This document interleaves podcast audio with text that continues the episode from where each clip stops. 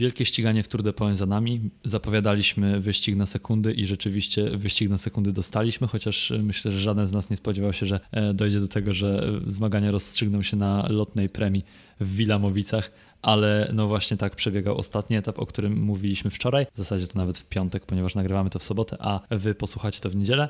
A dzisiaj podsumujemy sobie cały wyścig, to co działo się pokrótce na etapach, a także to, jak to wszystko się zakończyło i jakie wnioski możemy wyciągnąć właśnie z tej imprezy. A o tym wszystkim porozmawiają Bartek Kozra i Kacper Krawczyk. Zapraszamy Was do słuchania.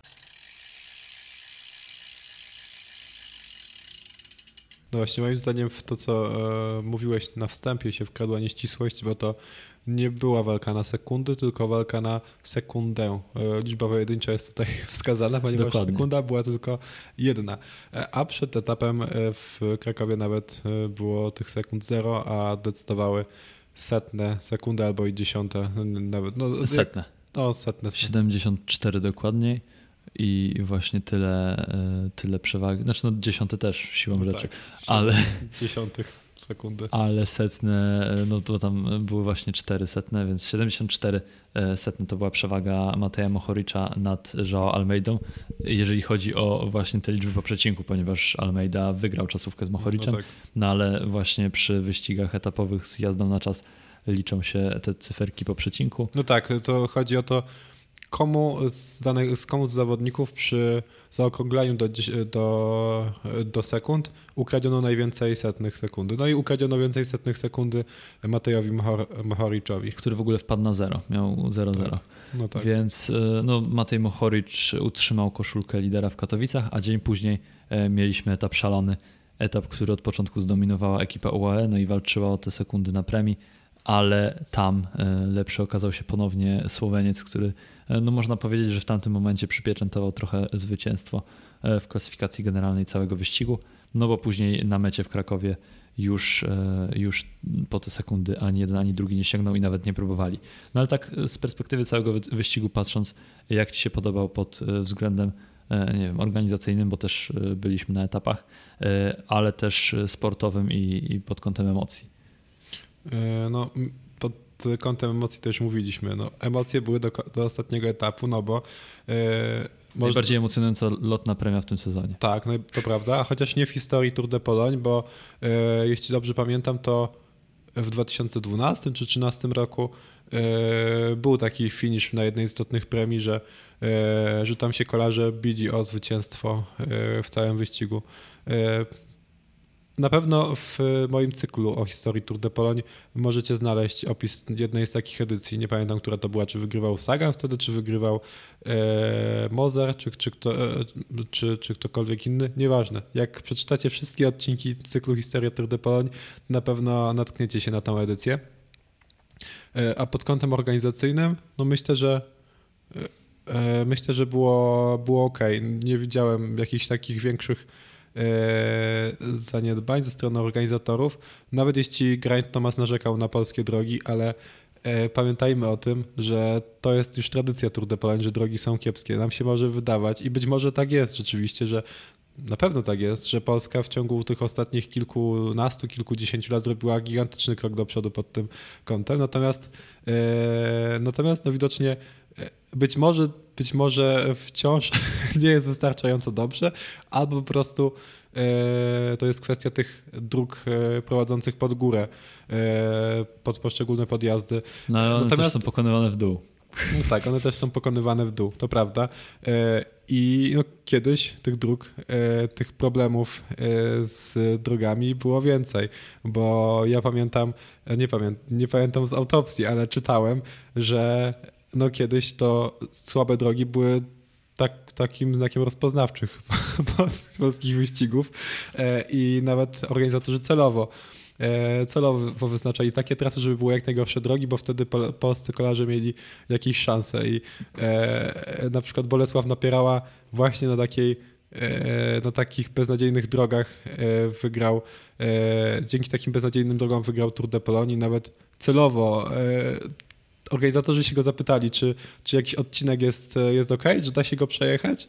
On powiedział tak, tak, tak, tak. E, ten odcinek spokojnie da się przejechać, drogi są równiusieńkie. E, a tak naprawdę nie były. On po prostu znał te drogi i wiedział, jak na nich jechać i e, dzięki temu później e, no, odjechał razem ze swoim kompanem z zespołu, chyba z e, Fortu Bema, chyba tak się ten zespół nazywał E, i, i w ten sposób e, no, wykorzystał swoją przewagę, znajomość terenu. Bolesław Napierała to był ten Tygrys tak, Szos? to był ten Tygrys Szos, dokładnie tak. Teraz niestety, z artykułu. Teraz niestety e, już żadnemu Polakowi nie udało się wykorzystać tych dziurawych, tych dziurawych dróg, bo Michał Kwiatkowski wcale nie dzięki dziurawym drogom zajął wysokie trzecie miejsce. No tak, ale Natomiast też... Cieszy mnie powrót do przeszłości. Nie, no tak wiadomo, pół żartem, pół serio, ale też e, no to na pewno jest kwestia tam sponsorska, sponsorska i też miasta, wiadomo, e, dają pieniądze na to, żeby wyścig e, przez nie przejechał, a też trzeba to jakoś wszystko połączyć. No i wychodzi potem na to, że trzeba korzystać najczęściej z tych mniejszych dróg, bo no wczoraj na przykład chyba jedynką jechaliśmy przez chwilę z, na Śląsku, ale no jednocześnie to jest, to powoduje ogromne problemy komunikacyjne, więc zazwyczaj właśnie wyścigi wykorzystują te mniej uczęszczane drogi. No one są w stanie różnym, e, ale to też nie jest tak, że w Polsce nie ma e, nie ma dróg dobrze no nie, asfaltowanych no bez dziur. No ale... I też wyścig przejeżdżał przez, e, przez kilka takich dróg, które wyglądały naprawdę dobrze. Nawet był taki, taki podjazd w na tym etapie do Bielska, że były obawy co do niego, a okazało się, że nawierzchnia jednak jest no, taka nowiuteńka i taka bardzo równa. Nie, no tak, no widać też było w Zabrzu na przykład pracę, to w ogóle przy starcie honorowym, dzień przed, w zasadzie w nocy nawet przed e, wyścigiem, no ale no, rzeczywiście były te dziury, to nie można, nie można powiedzieć, że te drogi były bardzo równe, bo sam Geraint Thomas to powiedział, że no, nigdy chyba nie jechał po takich dziurach, no ale e, no, na szczęście skończyło się e, bez jakichś groźnych upadków spowodowanych właśnie tymi dziurami, przynajmniej z tego, co tam mogę sobie przypomnieć. No ale no, pierwszy etap był taki bardzo wymagający na pewno pod kątem organizacyjnym, zupełnie nie z winy organizatora, no bo nie mają wpływu na pogodę, ale no, tam ta nawałnica, która przeszła nad Poznaniem, naprawdę myślę, że E, spowodowała, że, że były nerwy wśród organizatorów. Też Czesław Lank mówił, że było ryzyko odwołania całego e, etapu, e, przerwania, więc no, tam bardzo szybko się uporali z tym wszystkim. No tak, gdyby nie to, to no, przecież widzieliśmy wszyscy, co tam się działo i to, to nie było na 80 km przed metą, tylko tak bardziej 20, 20 kilka i żeby te balony, które odfruwały, żeby te barierki, barierki e, które też no, zostały mocno poprzesuwane. Ogarnąć to, to, to na pewno nie było proste zadanie, a mimo to udało się z tym jakoś uporać. No na szczęście, więc y, myślę, że to jest duży plus. No szkoda, że to też nie jest wina organizatora. Jakieś widmo jest nad tym wyścigiem, po prostu fatum. E, I, I, tak jak w poprzednich latach były te kraksy, e, tak teraz e, mieliśmy ten wypadek w Bielsku z motocyklistą więc no, naprawdę ja po prostu liczę na edycję Tour de Pologne, gdzie nie wydarzy się nic takiego e, nie do przewidzenia przed wyścigiem, e, że, że nie będzie właśnie takich nieprzyjemnych, tragicznych w skutkach czasem sytuacji. No ale myślę, że to możemy zostawić, no bo to też no po prostu nieszczęśliwy wypadek. A, a no, kolarstwo jest bardzo niebezpiecznym sportem i takie rzeczy też są niestety częścią tego sportu w pewnym wymiarze. No tak, no niestety, niestety rzeczywiście tak jest. E, no, no ale myślę, że o organizacyjnych kwestiach powiedzieliśmy e, wszystko. Tak, e, no na, pewno, znaczy na pewno nie wszystko, ale, ale, ale wszystko tyle, to, co chcieliśmy, powiedzieć. Natomiast tak. teraz myślę, że możemy skupić się na sporcie i, i na tym, kto jest największym wygranym tego wyścigu. Obok Mateja Mochoricza oczywiście, ponieważ to on sięgnął po całe zwycięstwo w klasyfikacji generalnej. No ale ja tak patrząc ogólnie na ten wyścig, to wydaje mi się, że ekipa Quickstep wyjedzie stąd bardzo zadowolona. No tak, bo przecież ma dwóch zawodników w czołowej piątce, nawet jeśli żadnego na podium. No ale oni nie przyjechali no i tutaj. trzy etapy. No i trzy, tak, e, to do tego miałem dojść jeszcze, no bo e, Mattia Katanała wygrał etap, e, Tim Merlier wygrał dwa na finiszu, także oni no, zrobili wszystko, co, co mogli zrobić tak naprawdę, bo cięż, no Merlier mógłby wygrać trzy etapy, bo były trzy, trzy etapy zakończone finiszem, no ale tam na finiszu dość chaotycznym w Opolu po prostu no niestety nie udało mu się. Yy, został zablokowany w pewnym momencie i po prostu nie, nie był w stanie yy, zafiniszować. no ale właśnie dwa miejsca w czołowej piątce, Ilan van Wilder i Mattia Catano, to nie są kolarzy przecież, którzy przyzwyczaili nas do tego, że regularnie zajmują miejsca w czołówkach klasyfikacji generalnych tygodniówek, no bo...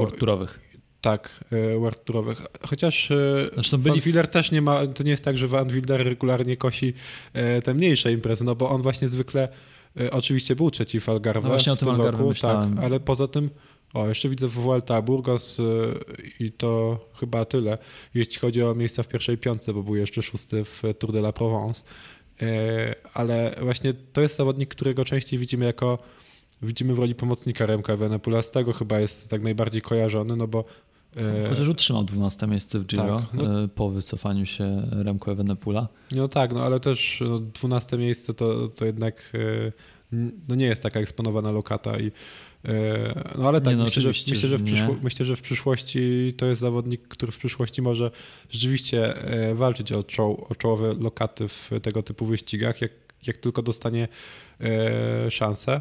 E, natomiast no nie wiadomo, też... czy kiedyś to się wydarzy, bo, bo ma Remka Wenepula u siebie w zespole i na razie bo są oczywiście pogłoski, że Belk może odejść e, z Southern Quickstep. Na ile wiarygodne to e, nie nam oceniać chyba w tym momencie i na pewno nie w tym podcaście. Natomiast to jest zawodnik, o którym może się, może, być może w przyszłości będziemy mówić, że, że to właśnie w tym miejscu część kibiców poznała tego kolarza, tych, którzy się nieco mniej interesują kolarstwem. No też to jest zawodnik, który jest y, bardzo młody, ma no, 23 lata. lata, więc wszystko jeszcze przed nim. A dodatkowo y, no też myślę, że warto tutaj zaznaczyć, że to nie są kolarze przypadkowi. No że y, wiadomo, że oni mogliby, mogli właśnie zająć takie, takie miejsca. Obaj kolarze dobrze radzą sobie na pagórkach, na nieco dłuższych podjazdach, ale także na czas a ta czasówka była kluczowa e, no dla tak. przebiegu tego wyścigu, pomimo Zwłaszcza... tego, że e, Mohoric obronił się mimo słabszego nieco występu na czasówce. Nie, no to był genialny występ. Nie, no, tak, ale chodzi mi o to, że e, no, w, w porównaniu z Joao Almeidą był słabszy na czasówce. No tak. W sensie nie, niepotrzebne było zwycięstwo w czasówce, żeby sięgnąć po wygraną w całym wyścigu. Tak, no ale, ale jednocześnie... No ale na, na, na przykład właśnie taki Mattia Cataneo to tak naprawdę tylko tą czasówką zapewnił sobie miejsce w czołowej piątce, no bo wcześniej trochę tracił. On był 18 przed, e, przed tym szóstym etapem, a no, awansował o, o 13 pozycji. Tak, no on to w ogóle fenomenalnie tak, rozbił, na czas. Rozbił pił bank tam, naprawdę. Ale też jednocześnie ja myślę, że e, no, można było wymienić kilku zawodników, którzy mogli się uplasować przed nimi. E, w, w takim kontekście, że no, ta czołowa piątka to nie był pewniak no jeżeli o nich chodzi, więc naprawdę wyścig y, rozliczony, myślę, całkowicie. Jeszcze te trzy etapy to w ogóle przecież trzy zwycięstwa world no to fenomenalny bilans.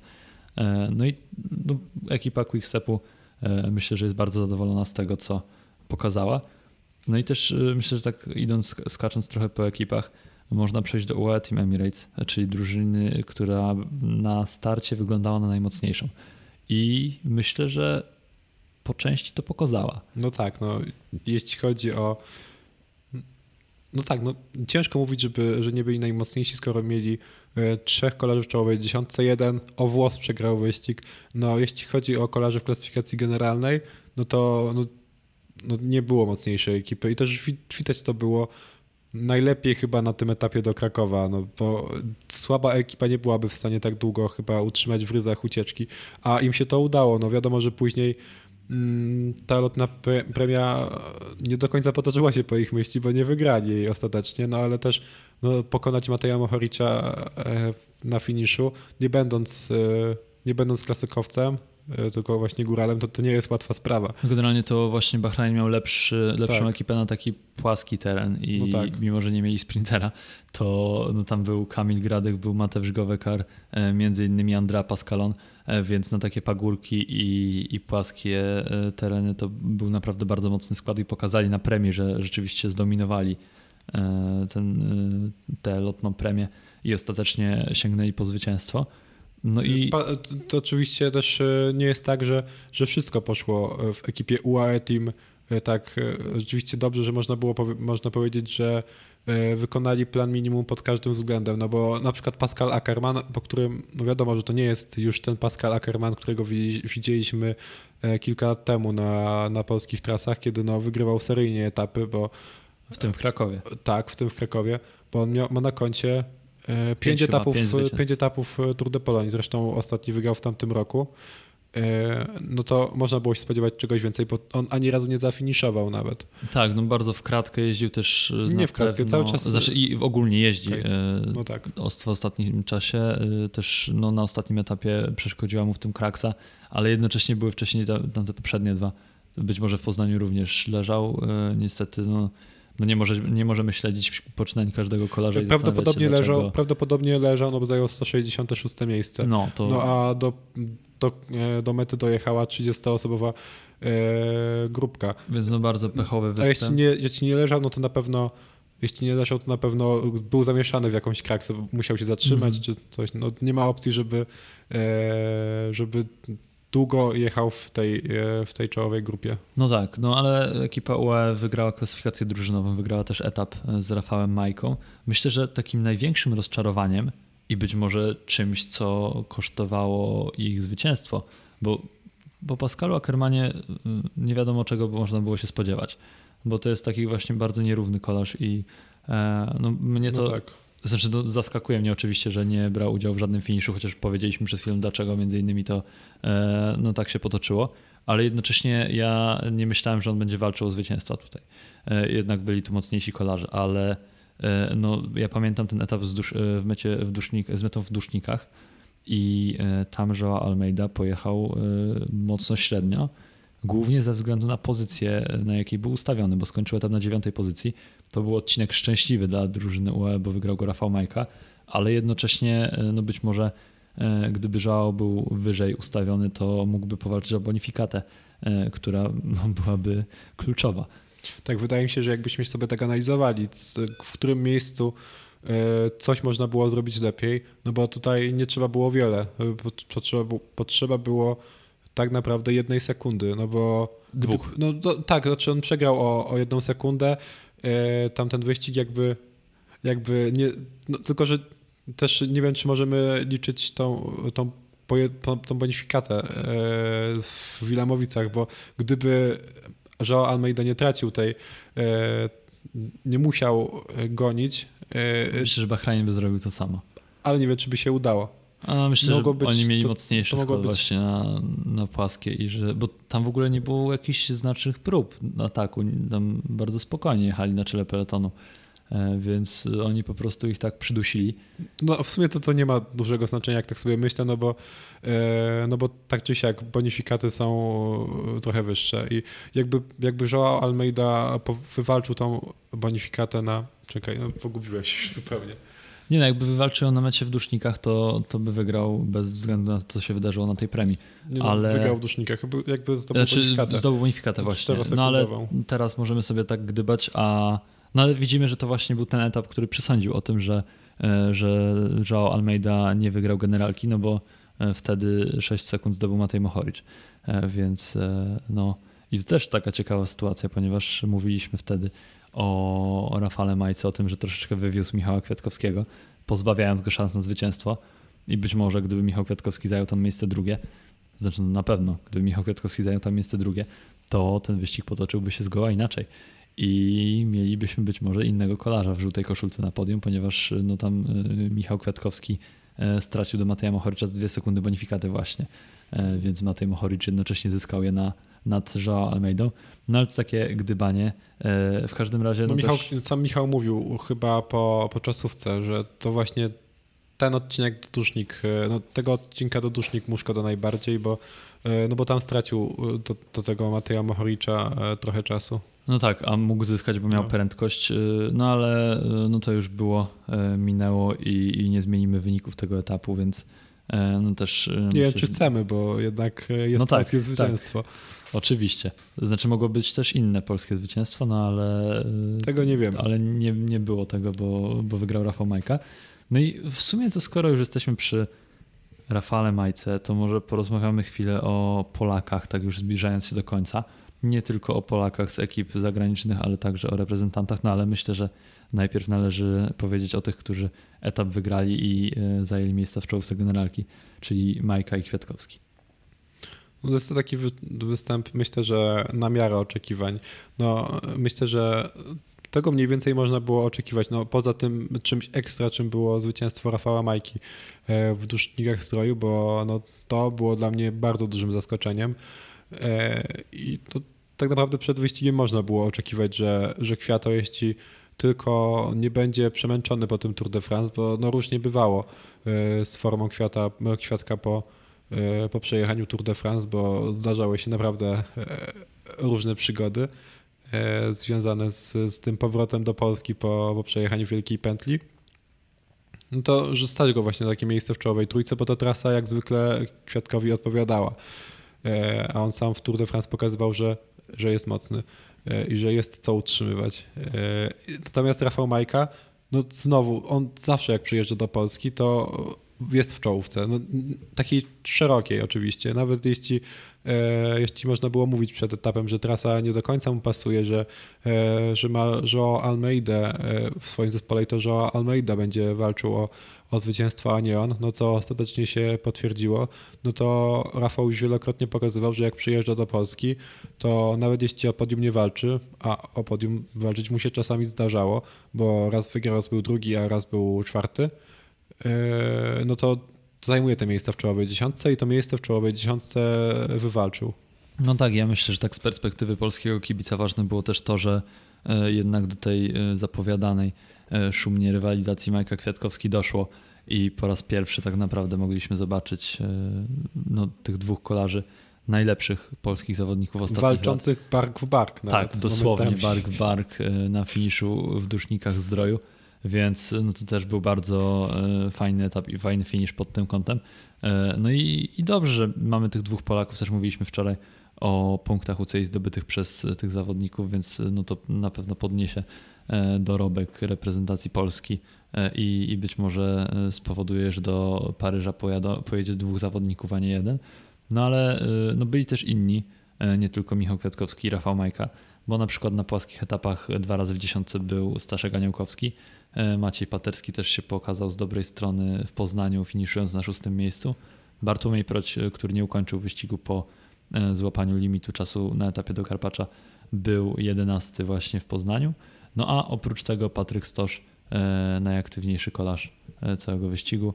Marcin Budziński wygrał, uciekał i był dziesiąty na etapie do Bielska. Norbert też Banaszek uciekał, więc myślę, że tak ogólnie to udany występ reprezentacji Polski. Mm, Polaków ogólnie. Myślę, że. Polaków też, ale teraz. Okay. Tak, no, no, ta, nie, no jeśli, tak. jeśli mówisz o reprezentacji Polski, to dla mnie to jest taki występ po prostu w porządku, taki, taki jakiego można było się spodziewać. Ten plan minimum na pewno został wykonany. E, ja myślę, że można, jedyne do czego można było by się przyczepić przy reprezentacji Polski to e, no to, to że, że nie uciekali na każdym etapie e, i no, tyle właściwie mogliby zrobić więcej, no bo raczej ciężko się spodziewać, żeby, żeby któryś z nich walczył koszulkę górala, bo to już by było coś ekstra, bo na tych no, ciężko było się spodziewać, że, e, że któryś z tych reprezentantów Polski e, powalczy na przykład z takim Markusem Hylgardem czy Jakobą Moską, którzy są znaczy, po prostu... Mi się wydaje, że to akurat byłoby możliwe, tylko e, no, trzeba było uciec na etapie do Bielska a tam ta walka była e, całkiem ostra od początku no wyścigu tak. o ucieczkę i próbował to chyba Jakub Kaczmarek i Maciej Paterski, no ale to się nie udało. No i y, punkty do klasyfikacji górskiej zgarniał Holgard. Y, no ja nie mówię, że nagle by tutaj Markusa Holgarda pokonywali na każdej premii, ale jednocześnie wierzę, że byłoby to realne, a jako Pomoskę to już w ogóle. W sensie, no jako Pomoska to nie jest wytrawny góral i i też nie jest, y, no, no wiadomo, jest dynamiczny, ale dynamiczni też są Maciej Paterski, czy tam Marcin Budziński i Jakub Kaczmarek, więc no moim zdaniem była opcja zgarnięcia tego górala. Y, jakby się ułożyło to wszystko po myśli reprezentantów, no ale tak to nie było. Też wielokrotnie znaczy uciekali różni kolarze po prostu z reprezentacji, więc to też y, i bardziej skupiali się na lotnych premiach. No bo na tych etapach, na których uciekali, to nie było za dużo górskich. No tak, y, więc y, no Patryk też wygrał koszulkę aktywnego. Y, no myślę, że to jest rzecz, z której on się bardzo cieszy. Po raz kolejny stanął na podium w Krakowie i nie tylko w Krakowie, ale w Krakowie odebrał tę koszulkę na własność. I no, ja też uważam, że to jest bardzo solidny występ reprezentacji Polski, która nie przejechała tego wyścigu anonimowo i, i rzeczywiście kolarze próbowali walczyć. E, no i e, nie wiem, Bartku, czy coś chcemy jeszcze dodać na temat e, tego Tour de Pologne? Myślę, że, że powiedzieliśmy już wszystko. No na pewno dlatego tak krótko dzisiaj, bo my omawialiśmy każdy etap z osobna i też no nie chcemy się tak bardzo powtarzać i, i omawiać każdego etapu pojedynczo, ponieważ możecie to, tego posłuchać w osobnych odcinkach a jednocześnie tych podcastów ostatnio wpada bardzo dużo, więc też y, no, chcemy, żebyście znaleźli czas na odsłuchiwanie ich wszystkich, a jeżeli byśmy was y, po prostu tak przytłoczyli e, tymi nagraniami, to, to tak by się nie stało. No tak i też e, trzeba pamiętać o tym, że e, wczoraj, znaczy po finiszu w Krakowie w ostatnim odcinku Studia Tour de Pologne, bo ten odcinek już się nie będzie nazywał Studio Tour de Pologne, nie? też też e, trochę podsumowaliśmy wyścig, tak, częściowo. Tak, ale ten się nie będzie nazywał Tour de Pologne? E, chyba, chyba nie. Znaczy, wczoraj napisałem w opisie, znaczy dzisiaj napisałem w opisie tego odcinka e, Studio Tour de Pologne 6, że to jest już ostatni odcinek. Myślałem, no w takim razie będzie ostatni. Nie, bo, no... no tak, w sumie za Rive robiliśmy trochę inaczej, bo 21 odcinek Rive był podsumowaniem całego wyścigu. Ale, Ale to no, zobaczymy jeszcze. Tak. E, w każdym razie no to był ostatni podcast w tym roku o Tour de, Tour de, Tour de Pologne. Ależ trudna nazwa. I być może jeszcze powiemy coś o e, plotkach na temat trasy, ale to raczej e, bliżej końca roku. E, no i ten podcast prowadzili dla Was Bartek Kozyra i Kacper Krawczyk. Do usłyszenia.